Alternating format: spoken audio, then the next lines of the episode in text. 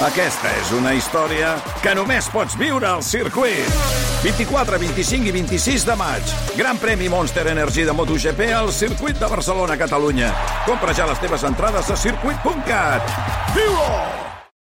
RAC més 1 i Àptima Centre Clínic Mutu a Terrassa us ofereixen la píndola de salut amb Marc Radorta.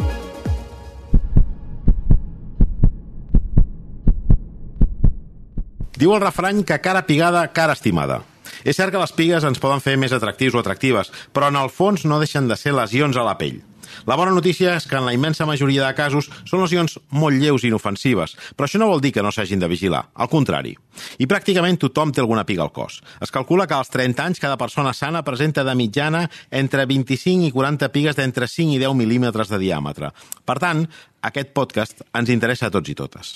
Avui farem un recorregut per la pell, explicant quin tipus de pigues o taques hi ha, com identificar-les i quan anar a un especialista en dermatologia perquè les valori.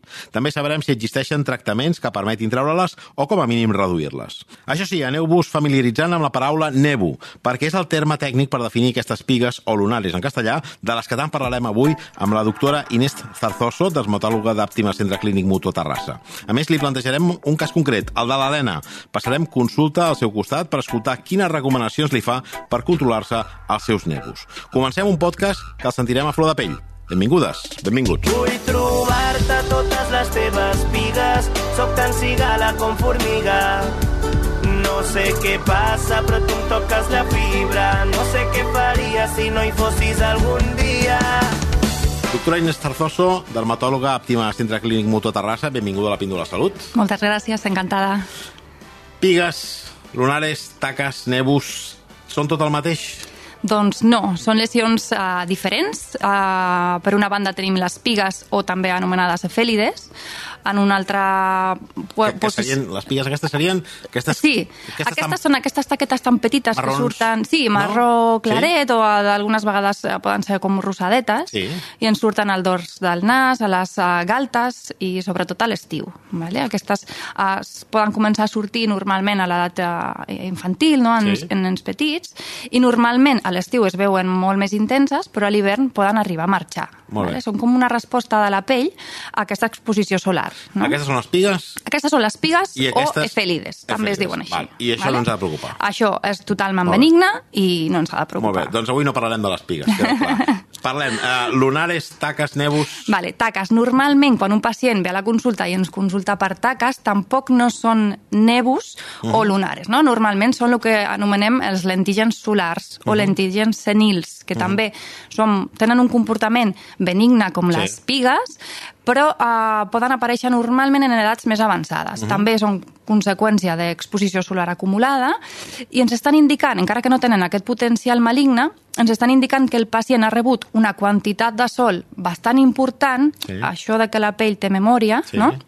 Llavors és important en aquests pacients fer eh, revisions periòdiques per identificar altres tipus de lesions que sí que podrien ser premalignes o malignes. Val. Vale. I finalment tenim, això sí, els lunares o nebus, que això sí que serien més o menys sinònims, no? Exacte, sí, lunares Terme. o nebus són pues, eh, el que tothom Sí, el- el normalment... terme no? popular, sí, no? Que Sí, exacte. són els lunares. exacte. I Els, els nebus um, poden sortir des del naixement, en aquest Sí. cas es diuen nebus congènits, que Sí. normalment són d'un tamany més gran, Sí. marró, que amb el pas del temps es va enfosquint i poden arribar a sortir com uns palets molt Sí. negres a dintre, i també van adquirint un aspecte una miqueta berrugós. Mhm. vale? Això els nebus uh, congènits, però els que ens van sortint al llarg de la nostra vida Mhm. són els nebus adquirits i normalment surten entre els, entre els 5 i els 35 anys. Val. Vale? Uh, a partir d'aquesta edat, lo normal és que vagin marxant, vale? Val. van marxant o es van transformant en, uns, en el que anomenem nebus dèrmics o nebus verrugosos. Un exemple d'això seria el nebus que té la Cindy Crawford no? al llavi superior, Sí. que a la seva joventut pues, era una, com una taqueta marró, plana, i amb el pas del temps va agafant volum i al final es transforma o acaba convertint-se en, una, en un nebus verrugós. vale? Uh, la importància dels nebus radica en que sí que són lesions que tenen potencial maligne. Val. És a dir, es poden transformar en un melanoma. Aquestes es poden complicar. Exacte. Uh -huh. uh, I per què apareixen els neus? De què depèn? Uh, perquè sobretot aquests que no són uh, els que hem dit, els congènits, no, els que, els que són adquirits, per tant, Sí. que apareixen entre els 5 i els 35 anys, que ens has comentat, de què depèn de que apareguin? Hi ha dos factors principals que, fa, que fan que ens surtin més o menys neus. Sí. No? En, primer lugar, en primer lloc seria uh, la genètica, Sí. o sigui, heredem o no una certa predisposició perquè ens surtin més o menys neus al llarg de la nostra vida. Sí. I per una altra banda estarien els factors ambientals. Dintre d'aquests factors ambientals, el més important és l'exposició al sol. Vale? O sigui, quanta més exposició solar uh, vam tenint al llarg de la nostra vida, Sí. més neus ens poden anar sortint. Val. Vale? Eh, entenc que també el tipus de pell afecta, no? El tipus de pell també està relacionat amb la genètica, Val. que entraria dintre d'aquest no? factor. Amb, a pell més clara, perquè aquí ja vam fer un podcast parlant de pell en el seu moment, de com preparar la pell per l'estiu, ens expliquen que hi havia cinc tipus de pell, no? Exacte, el Grans- grans fototipus, no? depèn del fototipus. Llavors, eh, entenc que a pells més clares, més possibilitats de lesió. A pells més clares, uh, uh, cabell més, més clar, ulls més clars, tenen més risc de cremades, de que surtin més, més nebus, més peques o efèlides o, o pigues, no? Mhm. O sigui que sí, aquests pacients, aquests pacients serien els que són una mica de més, més risc. Uh -huh. El factor de gènere afecta d'alguna manera? En principi no. En principi no. En principi no. No hi ha més prevalença en homes no, que en dones, més no. o menys. El que marca més és la genètica Correcte. i el que fem al llarg de la nostra vida amb el sol. Uh -huh. I què fa que un nebus sigui inofensiu o que, per contra, pugui acabar sent maligne i suposi un risc per a la nostra salut? Uh, el primer de tot, hem de tenir en compte que només un 26% dels melanomes Sí. sortiran a partir d'un nebus que ja té el pacient. Vale? Val. O sigui, la Melanoma- resta melanoma és el càncer de pell, eh? Exacte. És el càncer de És pell. un tipus de càncer de És un pell. tipus de Hi càncer ha de pell. altres, És el però més- el més el, més, el, el més greu. El més greu. El més greu, no és el més freqüent, uh -huh. és el més greu. Llavors, um, un 26% sortiran uh, a sobre d'un nebus que ja tenia el Sí. pacient, però l'altra part, el, els altres van a Sí. sortir de novo, el que diem de novo. O sigui, el pacient Sí. no tenia res i de cop li surt una lesió pigmentada nova. Vale? I què fa que surtin aquestes lesions pigmentades noves o que un nebus canvi? No? Pues, sobretot són les mutacions genètiques. O sigui, els melanòcits de la pell, que són les cèl·lules que fabriquen la melanina, els melanòcits que estan uh, crònicament uh, rebent aquesta radiació solar van a, al final es van a produir uh, sobre d'ells mutacions genètiques i eventualment una d'aquestes mutacions pot derivar en un melanoma. Però tot va molt eh, vinculat a l'exposició solar. Després ho parlarem en el moment de la prevenció, eh? però entenc que el factor clau... És molt diríem, important, És, sí. sí. Si ens protegíssim bé, que és molt difícil, eh, també, diguem-ho, eh? però si ens protegíssim bé des de que naixem fins que eh, morim, seria molt... De... O fins als 50 anys, que és quan pot aparèixer aquestes coses, no? No, 35 has dit? O no, el melanoma No, pot aparèixer a melanoma, qualsevol... clar, sí, Doncs si sí, ens a qualsevol edat, Molt bé, sí. doncs sí, quan ens protegíssim sempre seria molt complicat que tinguéssim un melanoma o no No tindríem tants punts. No tindríem tants punts. No? Però hi ha una part genètica que no podem Correcte. modificar, això sí. Mm. Molt bé. En el cas dels nebus uh, malignes, quin és el seu comportament? És a dir, si no el tractéssim, si no féssim res, com podria arribar a evolucionar? Què passaria? El nebus maligne és, és el, El que... melanoma, sí. Mm. Exacte, és el que diem melanoma. Vale? Melanoma és un tumor molt greu. Vale? Llavors, si, si, no, si no el tractem, Mm-hmm. Sí. Mm-hmm. pot comprometre la vida del pacient. Vale? O sigui que és, és important fer un diagnòstic precoç i un tractament també el més aviat possible. Vale? Uh, també va variar molt el pronòstic del pacient en relació al moment en el qual es fa el diagnòstic. Mm -hmm. És a dir, un pacient que es diagnostica en, una, en un estadi inicial té una supervivència del 99% als 5 anys. Vale? O sigui que si, si per contra es diagnostica quan hi ha afectació ganglionar, aquesta supervivència cau fins al 66%, i quan hi ha afectació d'altres òrgans, doncs ja cau fins al 27%. Llavors és molt important, i per això incidim tant els dermatòlegs en fer les revisions periòdiques, per aconseguir fer un diagnòstic precoç, perquè això va directament relacionat amb el pronòstic del pacient. És a dir, pel que em dius, el melanoma és com el punt d'entrada del càncer, no? El És melanoma dir, és el, o sigui, el melanoma és el ja càncer. és el sí, càncer. Sí, és el càncer, però et vinc a dir, jo, jo no conec en el meu... Com tothom, hi ha molta gent al meu entorn que ha acabat morint de càncer. Uh. -huh. uh, I per les notícies constantment apareix gent que ha mort de càncer però no, no, no surten els que, o, o com a mínim molt poques vegades diu era un càncer de pell, no? O era un, un, un melanoma. Si sents més el càncer de colon, Ja. el càncer de pulmó, el càncer, no sé, eh? De... Però és, és molt freqüent, eh? I, Sí, sí, i la sí, incidència sí. està augmentant cada cop, perquè, bueno, per la radiació solar que ens sí. arriba i les i, i també l'estil de vida que portem, no? Mhm. És molt freqüent. Llavors, el melanoma és això, pot donar metàstasis. Sí, sí. És un càncer que pot, com hem dit, comprometre la vida del pacient. O sigui que, però la sort que tenim és que és un tipus de càncer que es veu, Clar, o sigui, dona la visible, cara. clar. I això ho hem d'aprofitar, perquè no, clar. no tots els tipus Correcte, de càncer ho, ho correcte. fan, no? Mira, doncs, aprofitant que ens comentes, que ens comentes això, la persona que té uh, un nebus, abans de saber si és perillós o no, um, pot fer alguna cosa per, per, per detectar-ho? Hi ha algun senyal d'alerta que pugui tenir en compte per saber si ha d'anar després doncs, a, a una visita a un professional? Bueno, el primer és, és agafar el costum no, de fer una revisió anual, vale? Mhm. això per descomptat. Però també a casa recomanem que els pacients, fa, els pacients facin el que, el que diem l'autoexploració. Sí. És a dir, de tant en quant, no sé, cada dos o tres mesos, al sortir de la dutxa, eh, eh, sense roba, despullats, Mhm. mirar-se per davant i pel darrere, vale? tota la pell. També darrere les orelles, plantes dels peus, entre els dits dels peus, que és una zona que normalment se'ns oblida, eh, el cuir cabellut, és difícil, eh? són zones que no són molt accessibles, però bueno, amb un mirallet petit podem, podem fer una mica el joc i, i, i revisar-ho tot. Eh, un cop ho hem mirat tot, sí que tenim una regla que es diu ABCDE en castellà, Sí. eh, que ens pot castellà. ajudar. Doncs diguem-la en castellà. Ens pot ajudar. Vale? La A seria uh, l'asimetria. Asimetria. Asimetria. Quan, una, quan un nebus, pues, si tu el parteixes per la meitat, no? per la meitat i una meitat és diferent a l'altra, Sí. doncs això ens ha de preocupar, no? ens ha de fer consultar.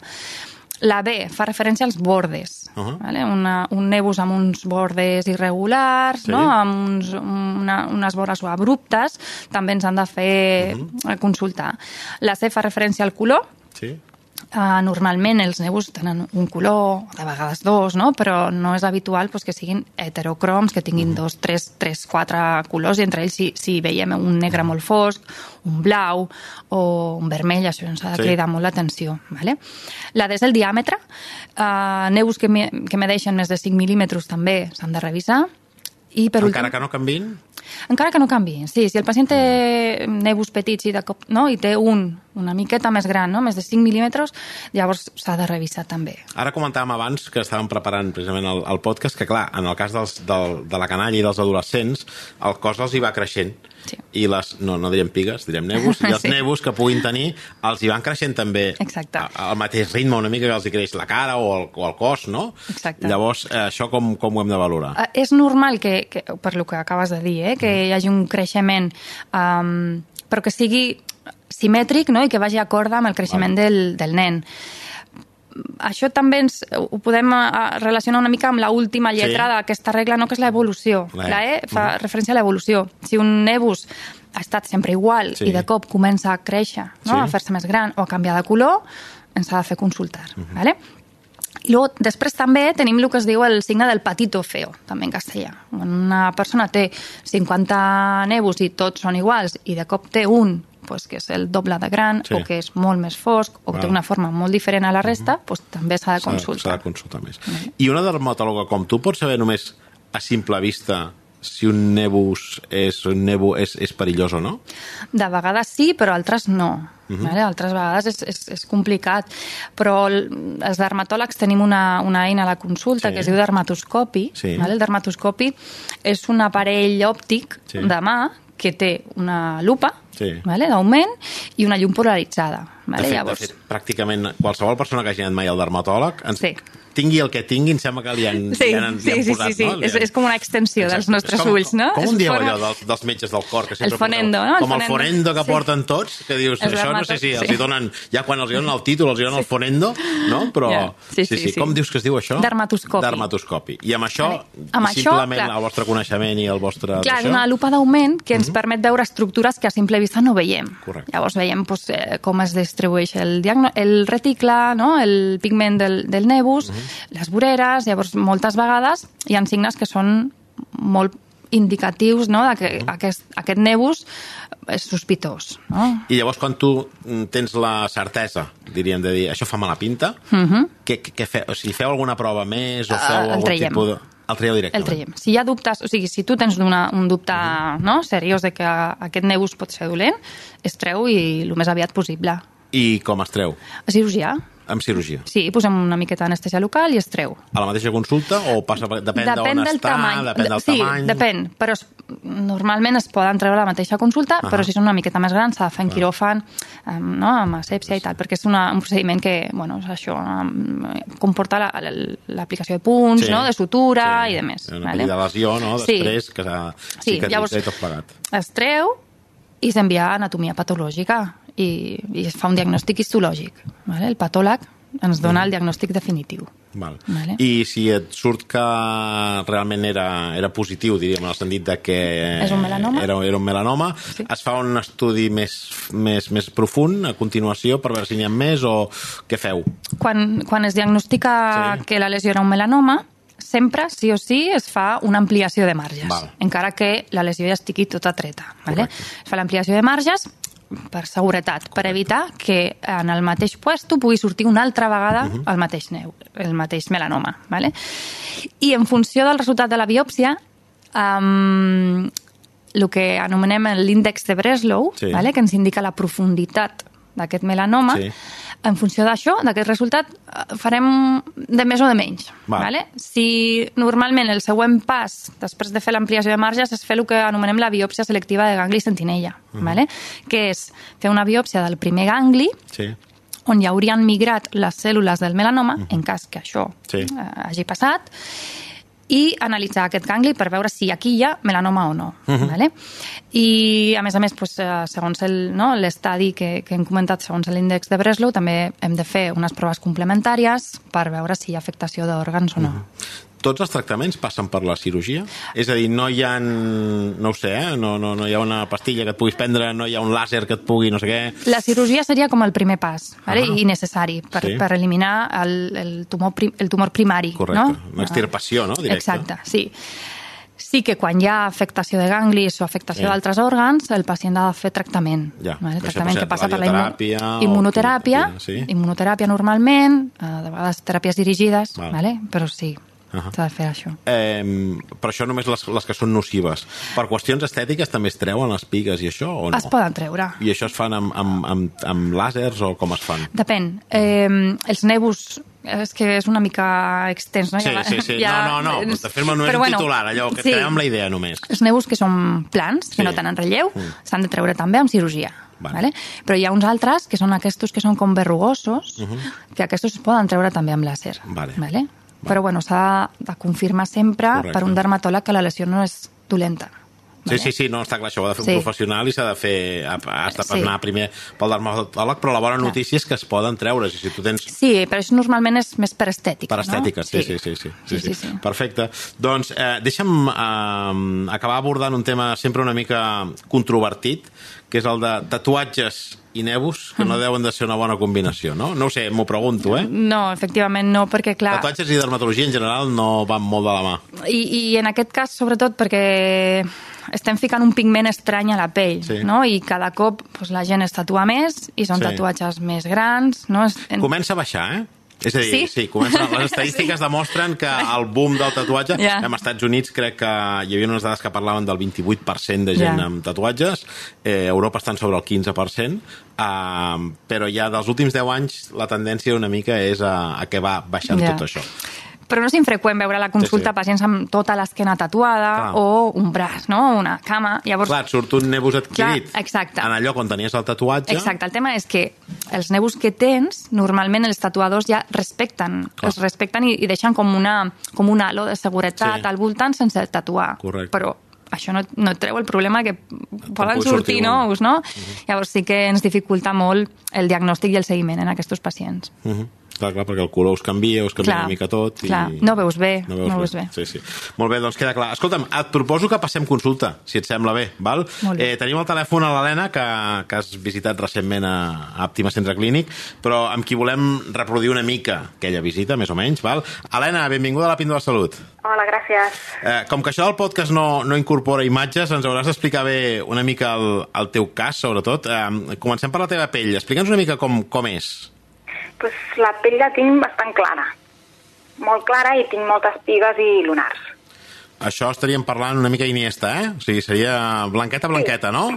Sí, bastant blanqueta. Molt bé. sí. Tens la costum de protegir-te del sol? Normalment també les persones que són molt, molt blanques de pell sí que tenen com més interioritzat aquesta sensació de que s'han de protegir perquè amb molt poca exposició ja us poseu molt vermelles, no? Suposo, i Correcte. teniu, patiu, vaja, perquè al final fa mal tot això, no? Exacte, sí, I jo ja- ara sí que ho faig, però Mm. sí que és veritat que abans no ho feia. Des Ja. de fa uns quants anys sí que almenys protecció 50 sempre m'hi poso. Mhm.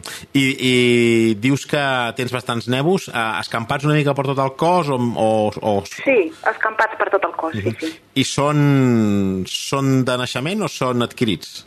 No, són de naixement. Són de naixement, molt bé. Sí. La, la, em, em fa que no, em fa que no la doctora, que és que en, en pot tenir algun que, que igual li han aparegut que no el té controlat, no? Inés? Sí, sí, sí. O sigui, eh, els nebus congènits eh, potser en té diversos, però la majoria són de tipus adquirit, que surten a una edat molt, molt temprana, Clar. per això potser no té el record no? de que hagin Ahà. sortit en un moment o un altre, però, però bueno, la gran majoria són adquirits. I- Eh, què, què li pregunta? Bueno, ja li vas preguntar, eh, però ho reproduïm. Què se li ha de preguntar a una pacient com, com la nena eh, per tenir una mica més d'informació de background? Bueno, l'Helena ja fa... La primera vegada que va venir a consultar fa uns anys ja, uh, però normalment quan ve un pacient i consulta per control de nebus, Sí. uh, el primer s'ha de, de preguntar uh, els antecedents personals i familiars de melanoma, Tu en tens? No, No no, no, per eh? no. Vale? Eh, També si han acudit regularment prèviament no? a consultes per fer revisions de nebus o si és la primera vegada, si alguna vegada se'ls ha tret alguna lesió prèvia no? a la pell i eh, doncs això, tema de cremades a la infància, eh, si fan servir el protector solar i bàsicament una mica això per, per començar, no? I després ja... En- Entenc que és un cas, el de l'Helena, fins ara més o menys freqüent, no? Sí. I no és, Sí, no és, sí. molt, no és molt excepcional, no? No, no, no. Molt bé. Eh, I en aquest cas, eh, tu que més l'has vista, què, què, què, què es fa? És a dir, què, què, què se li recomana? Quin tipus d'estudi li feu? En el seu cas, li vam, li vam recomanar fer un mapa corporal, Ah. vale? el que coneixem com la dermatoscòpia digital o l'epiluminescència. Uh -huh. I en què consisteix? Helena, què, què, què et van... això ja t'ho van fer, no? Sí, sí, sí, I, en ja què, I en què consisteix? Explica'ns una mica.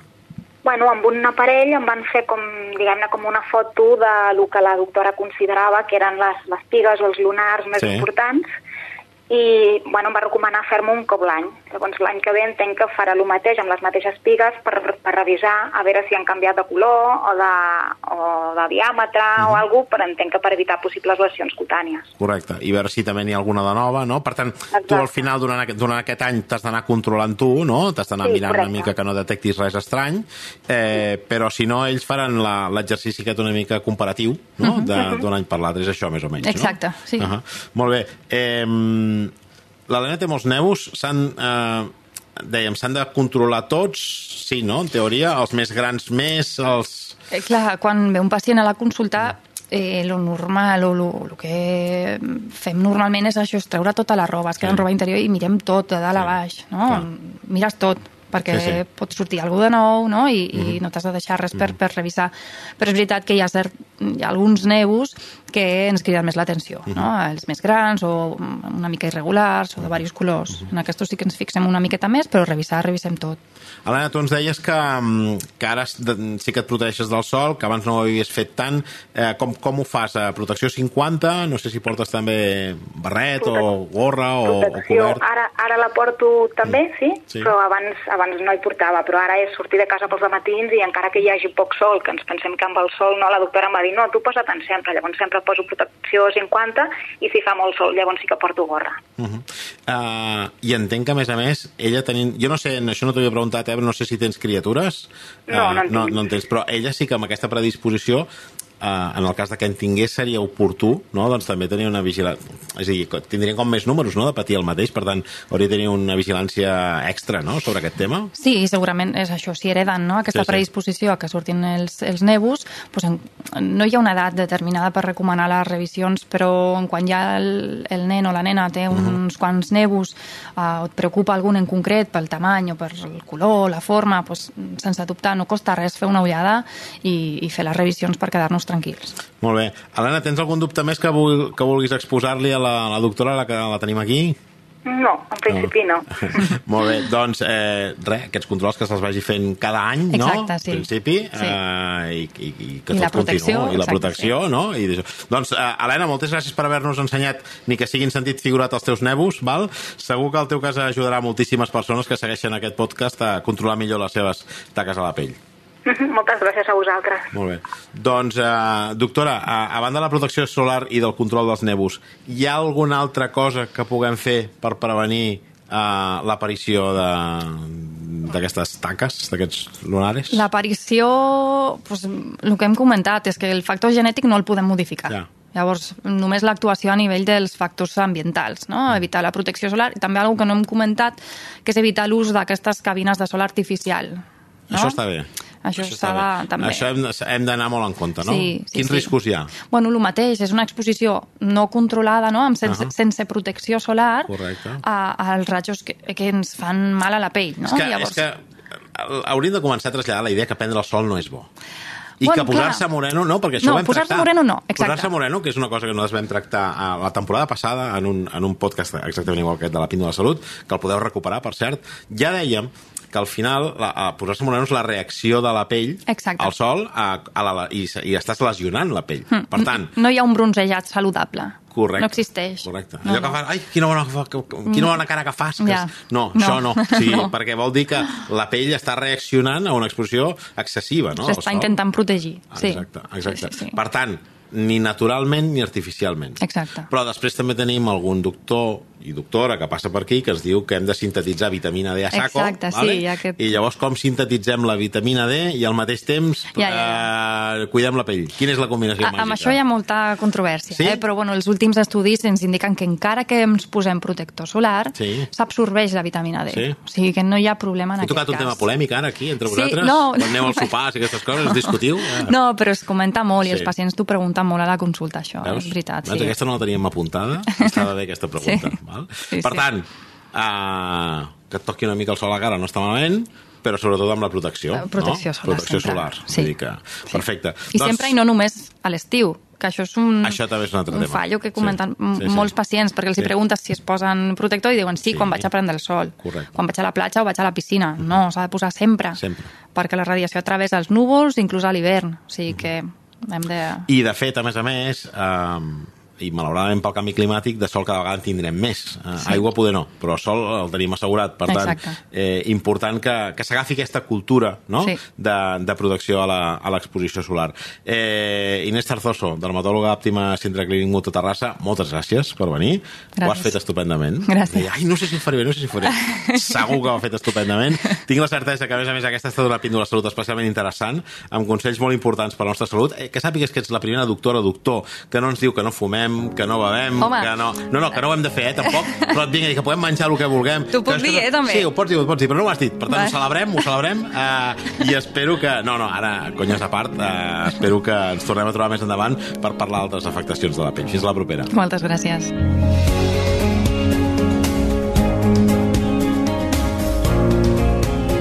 La píndola en un minut. Tots i totes tenim algun atac a la pell. Les pigues són inofensives, però el que es coneix popularment en castellà com lunares són els nebus, i aquests s'han de vigilar perquè podrien esdevenir melanomes, és a dir, un càncer de pell. Els nebus poden aparèixer de naixement, és a dir, ser congènits, o poden aparèixer amb el temps, habitualment entre els 5 i els 35 anys. A partir de llavors, i en línies generals, tendeixen a marxar si són inofensius. Això no vol dir que no puguin aparèixer taques o lentígens solars i berrugues.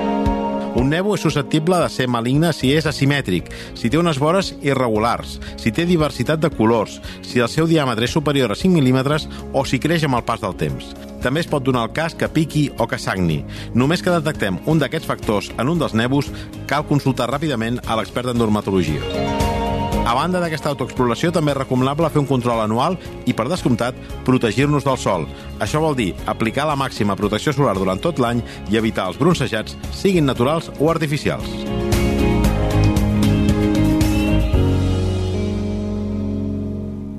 RAC més 1 i Àptima Centre Clínic Mutu a Terrassa us han ofert la píndola de salut amb Marc Radorta.